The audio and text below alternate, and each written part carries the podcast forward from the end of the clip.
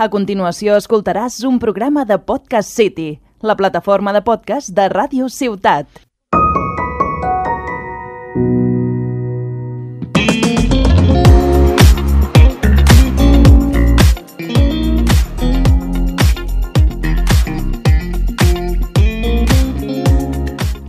Benvinguts i benvingudes al nou episodi de Viatges Sonors, el podcast de Ràdio Ciutat de Tarragona, on utilitzem els gèneres musicals com a excusa per escoltar música de tot tipus, que ens sona diferent i que ens sembla interessant analitzar.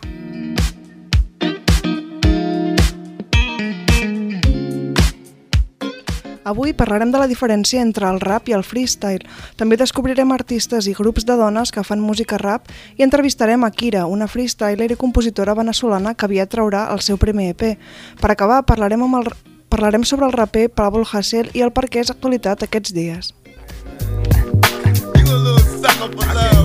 I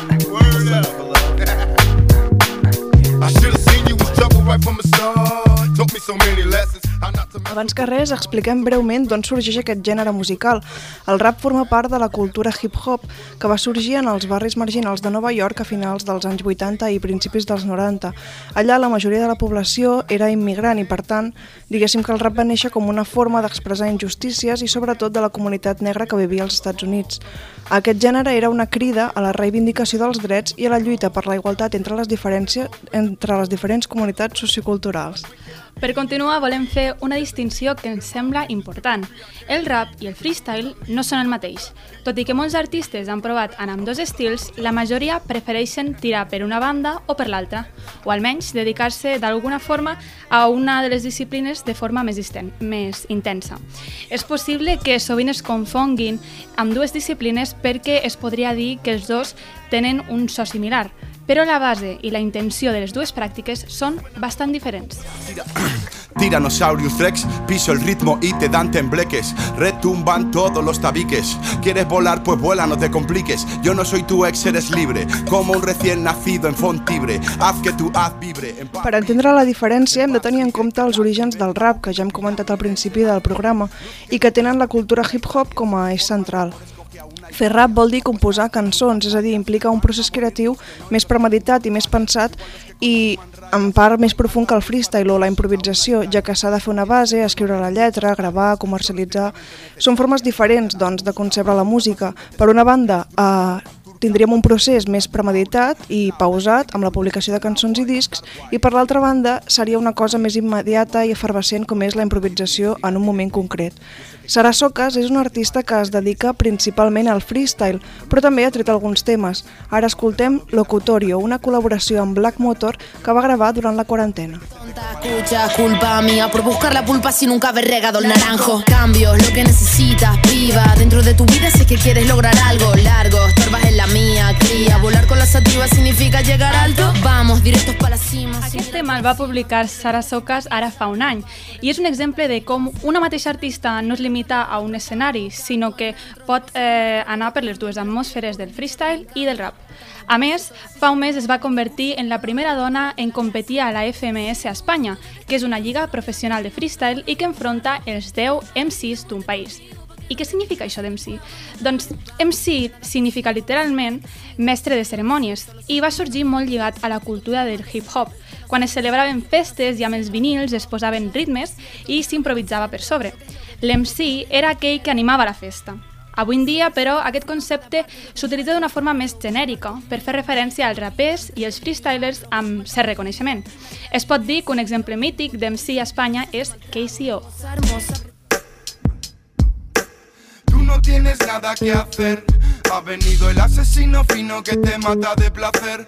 Abre paso, llega KCO. Decir mi propio nombre me produce vértigo. Aquest era el principi de la cançó a capella Pavos Reales del disc El Círculo. KCO és un raper que porta publicant música des de l'any 1994, abans formant part del grup de rap Violadores del Verso.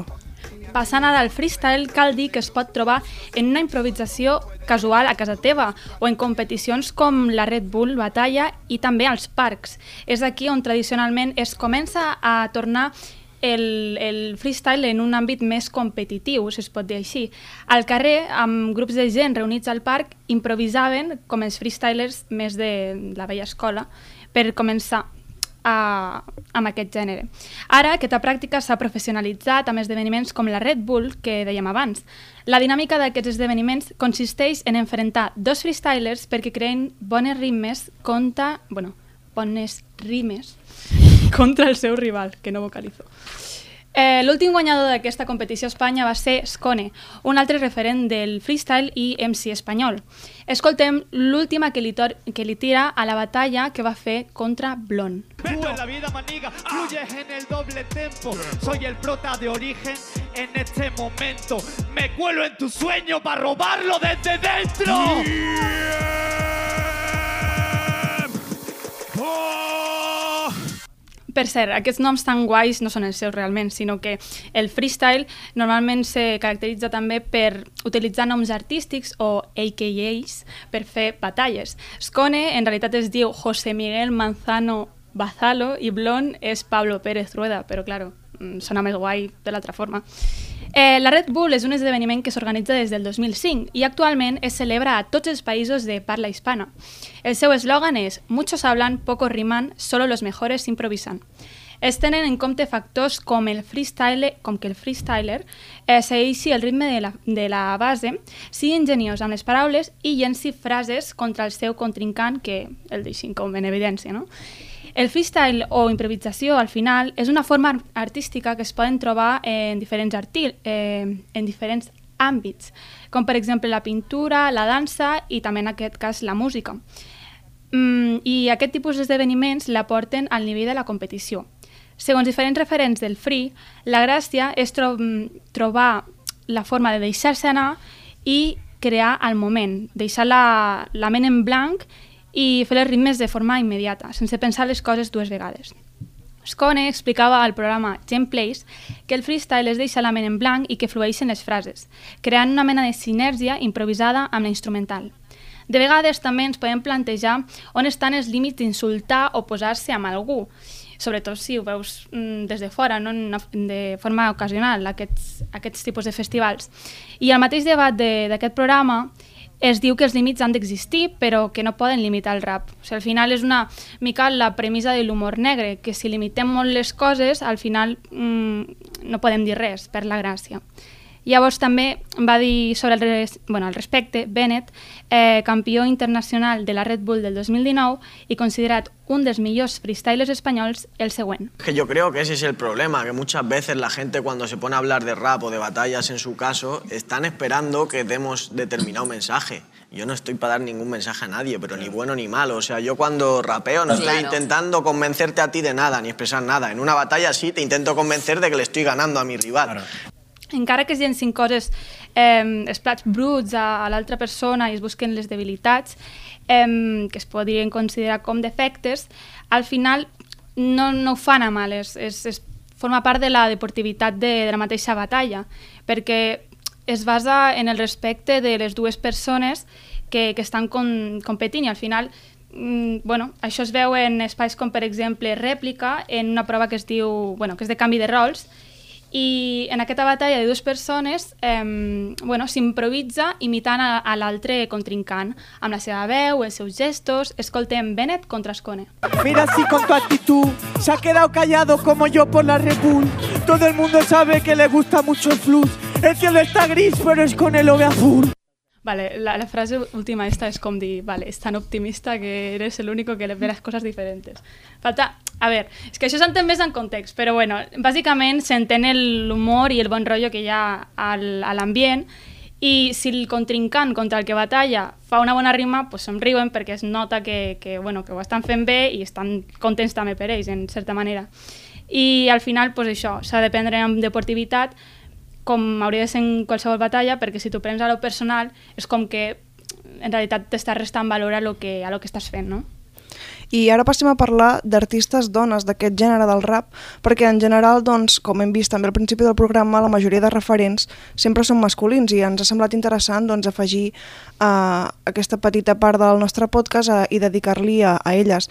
Davant d'aquest programa, com ja comentàvem, d'artistes masculins, també hi ha moltes dones que fan rap i cada vegada són més. Uh, per això, avui dia, tenim un ventall molt ampli d'artistes i també grups de rap femenins. Avui us ensenyarem unes quantes cançons que van des d'estils varis i són en diferents idiomes. Començarem primer pels grups o artistes que fan rap en català.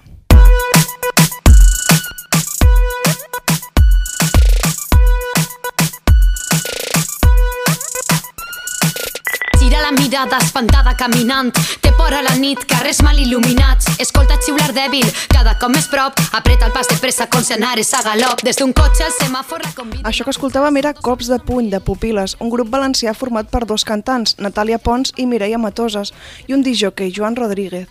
L'estil de Pupiles es defineix com un rap electrònic feminista i amb bases de reggaeton. Mentir. Som la família que va de parranda, no som els típics la llanda. I se bon rotllo és el que es guarda, no anem a dormir, la cosa s'allarga. Oh, oh, oh. Estar amb vosaltres el gust, sentir-se estimat, sentir-se volgut, amor, amistat, família i futur. Aquesta cançó era Amor i Amistat de Jazz Woman, el nom artístic de la rapera valenciana Carmen Aguado. Jazz Woman va presentar el seu últim àlbum en solitari, Malèfica, a principis de l'any passat. En aquest tema, que forma part d'aquest disc, col·laboren el cantant de Zoo Arnau Jiménez i la cantant de Pupiles, Mireia Matoses. Ja si estic i veig les coses clares. Al tindres de pobresa si tens fills eres mare. Són els speech, jo canto esta cançó i sempre més ric si parlen de conciliació. Som les dones, les dones, les dones què passaria si un dia s'alçarem? Som les dones, les dones, les dones Per acabar amb les propostes en català hem escoltat Dones, de la cantant Tesa. Tesa és una rapera valenciana també que barreja el hip-hop clàssic amb la música electrònica i altres influències urbanes. La majoria de les seves lletres, com també per exemple Pupiles, tenen un missatge feminista. I a part surt a la sèrie de les noies de l'hoquei, que, bueno, els fans ja sabran. Ara comentarem tres raperes en castellà. Soy así sueño que jamás llega.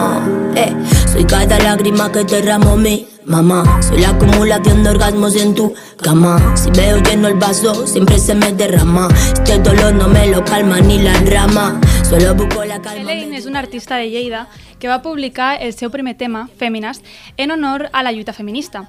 L'any passat va treure el seu primer EP, que es diu Són de Esses. A continuació, bueno, l'estem escoltant ara de fons, eh, escoltem Hip Hipofrènia, que va treure a la venda en format vinil el divendres passat.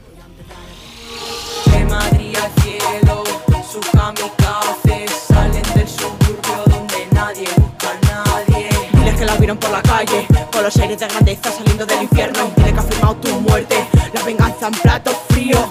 A lo que de su cama. Ira Rap és un grup que fa crítica social a través del rap.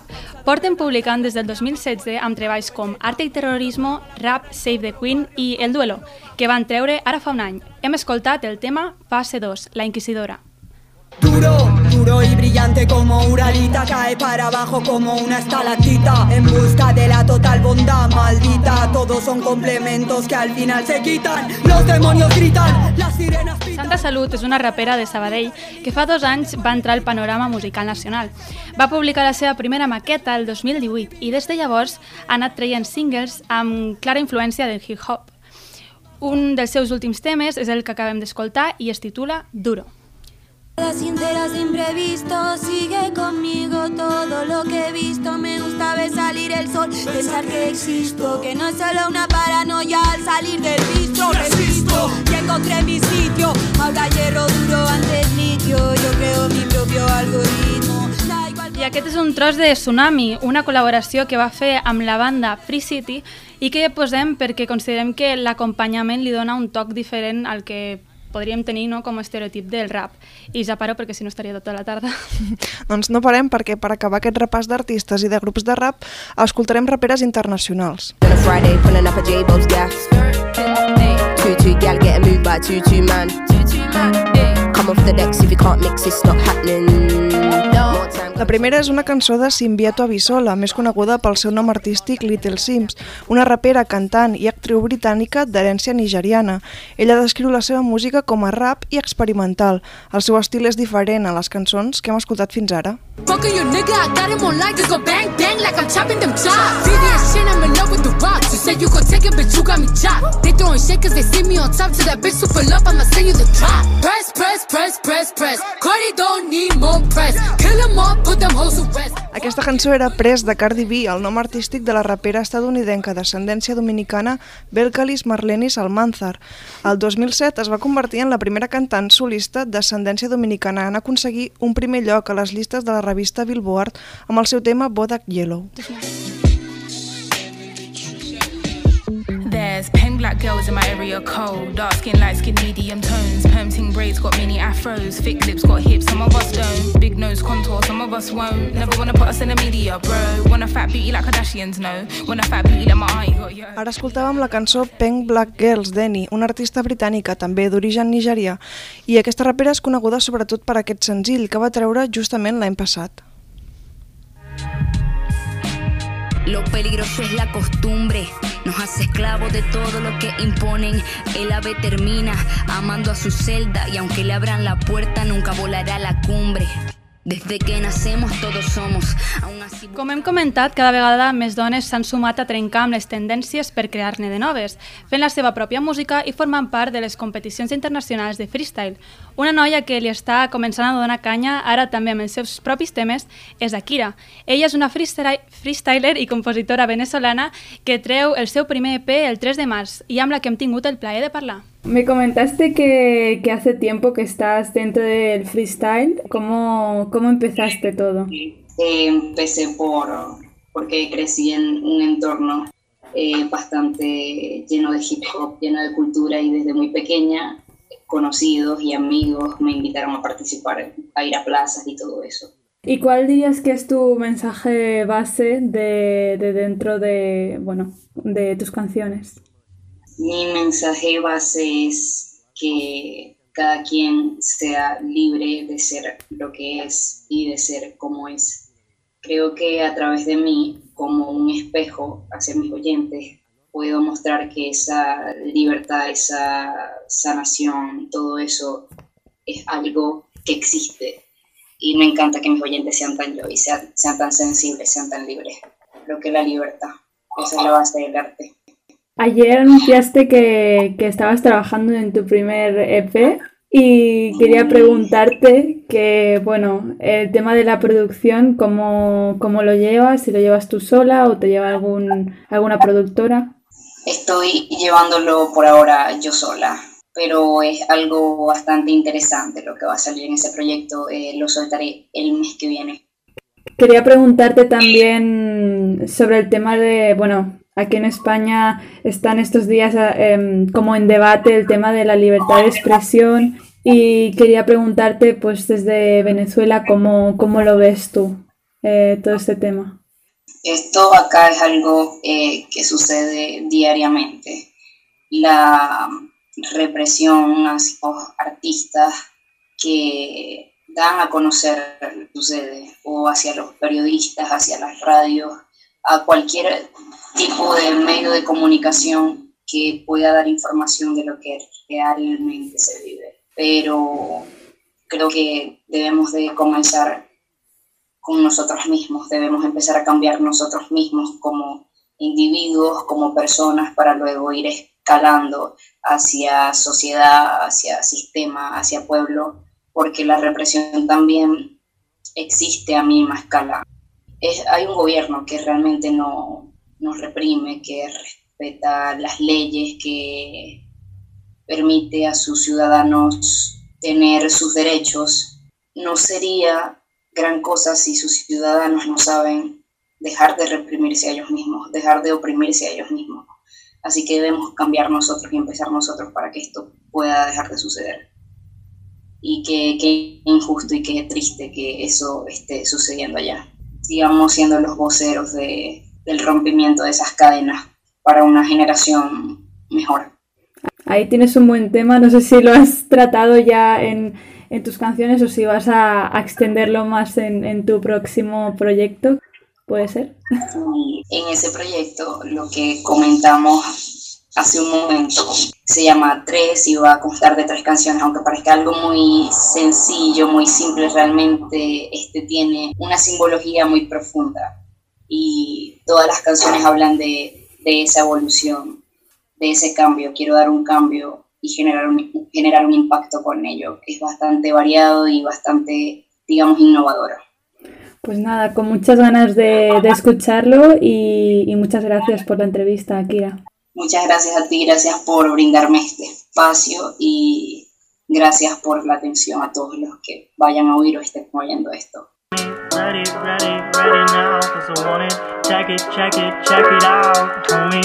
Ready, ready, ready now, cause I want it. Check it, check it, check it out,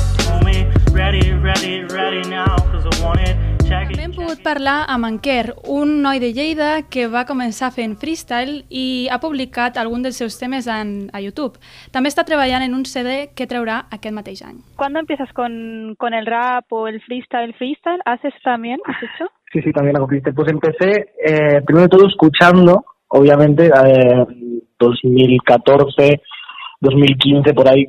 Empecé escuchando y luego nos juntamos con, con unos colegas a empezar a rapear. Claro, nos empezó a gustar y empezamos a escribir también. Y bueno, pero empe empezamos un poco por el freestyleando, o sea, rapeando, improvisando. Uh -huh. Y ahora que vas más por el por el rap, digamos, ¿has pensado sí. en autoproducirte o te quieres que te lleve una productora o cómo, cómo está el tema? Eh, ahora mismo, bueno, estoy en, bueno, buscando, ahora ya no, porque he, bueno, he conocido a un, a un chaval que es productor y que, bueno, que estamos, estamos ahí produciendo, haciendo un nuevo proyecto, un disco. Dentro de poco voy a sacar disco. Sí, sí. ¿Tenemos fecha? No, no, no, no tenemos Todavía fecha. no. Sí. Bueno. Ojalá eh, en, en junio, en junio empiece a salir. Si no en noviembre, o en junio o en noviembre. Perfecto.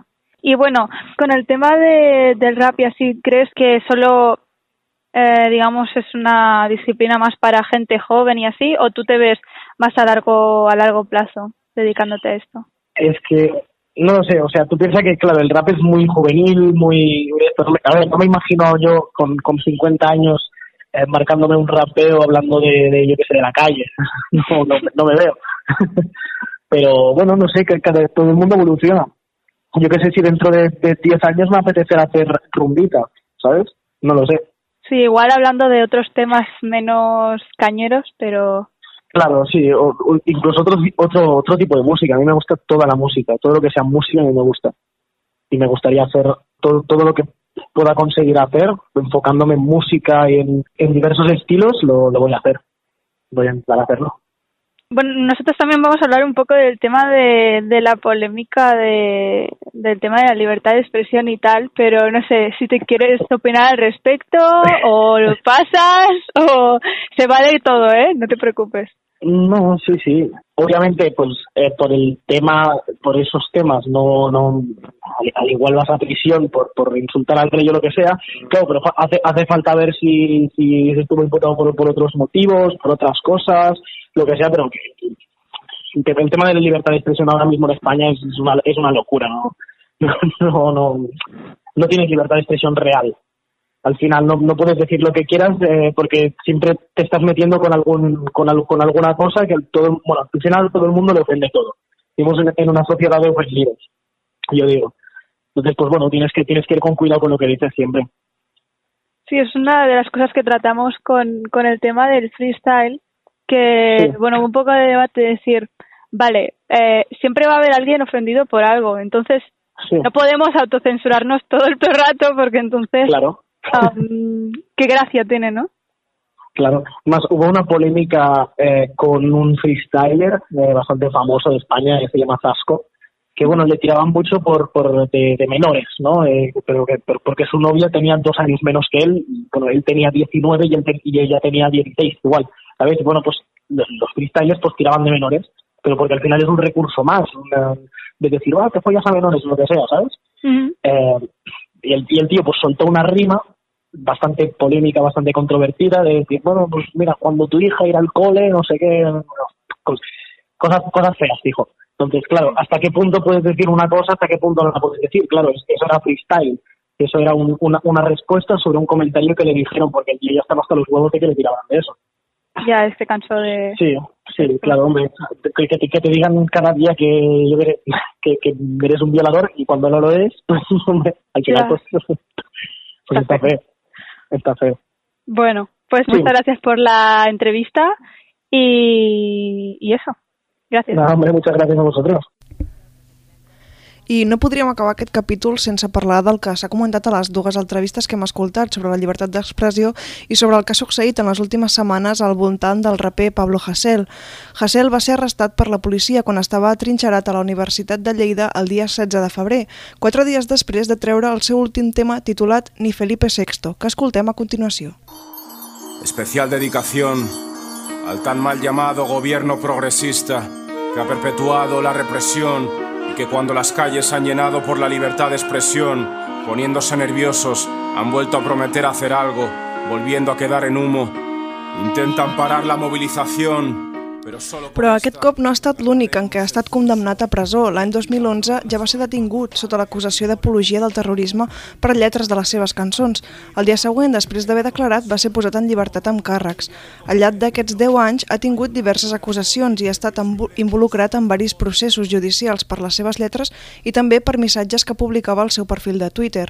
L'últim cop és el que ja tots sabem, al gener d'aquest any, quan l'Audiència Nacional va decretar el seu ingrés a presó, condemnat a 9 mesos i un dia per enaltiment del terrorisme i reincidència, pena que se suma a les que ja tenia anteriorment. Contar quién es y qué hace delito. Mira el caso de Baltónica, los hechos me remito. Los pobres hablan ya prisión, se ríen los ricos, libertad de expresión. Díselo a gritos. El bofetón de sopetón desde que vive en Torre. El món del rap es va solidar- solidaritzar amb Pablo Hasél i també amb el raper mallorquí Baltònic, amb una cançó col·laborativa que es deia Los Borbones son unos ladrones. Aquest tema es va publicar l'abril de l'any 2018 i va ser una crida a la defensa de la llibertat d'expressió. I a la lletra sortien, per exemple, diverses frases dels rapers que havien estat condemnats. El tema i el videoclip, gravat a la presó La Model de Barcelona, van participar diversos artistes de raps, dels quals avui hem parlat al capítol, com per exemple Jazz Woman, Ira o Zo.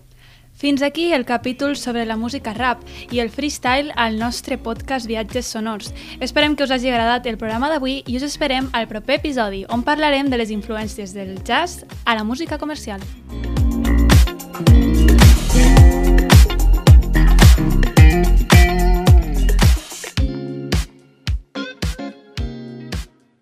Has escoltat un programa de Podcast City, la plataforma de podcast de Ràdio Ciutat.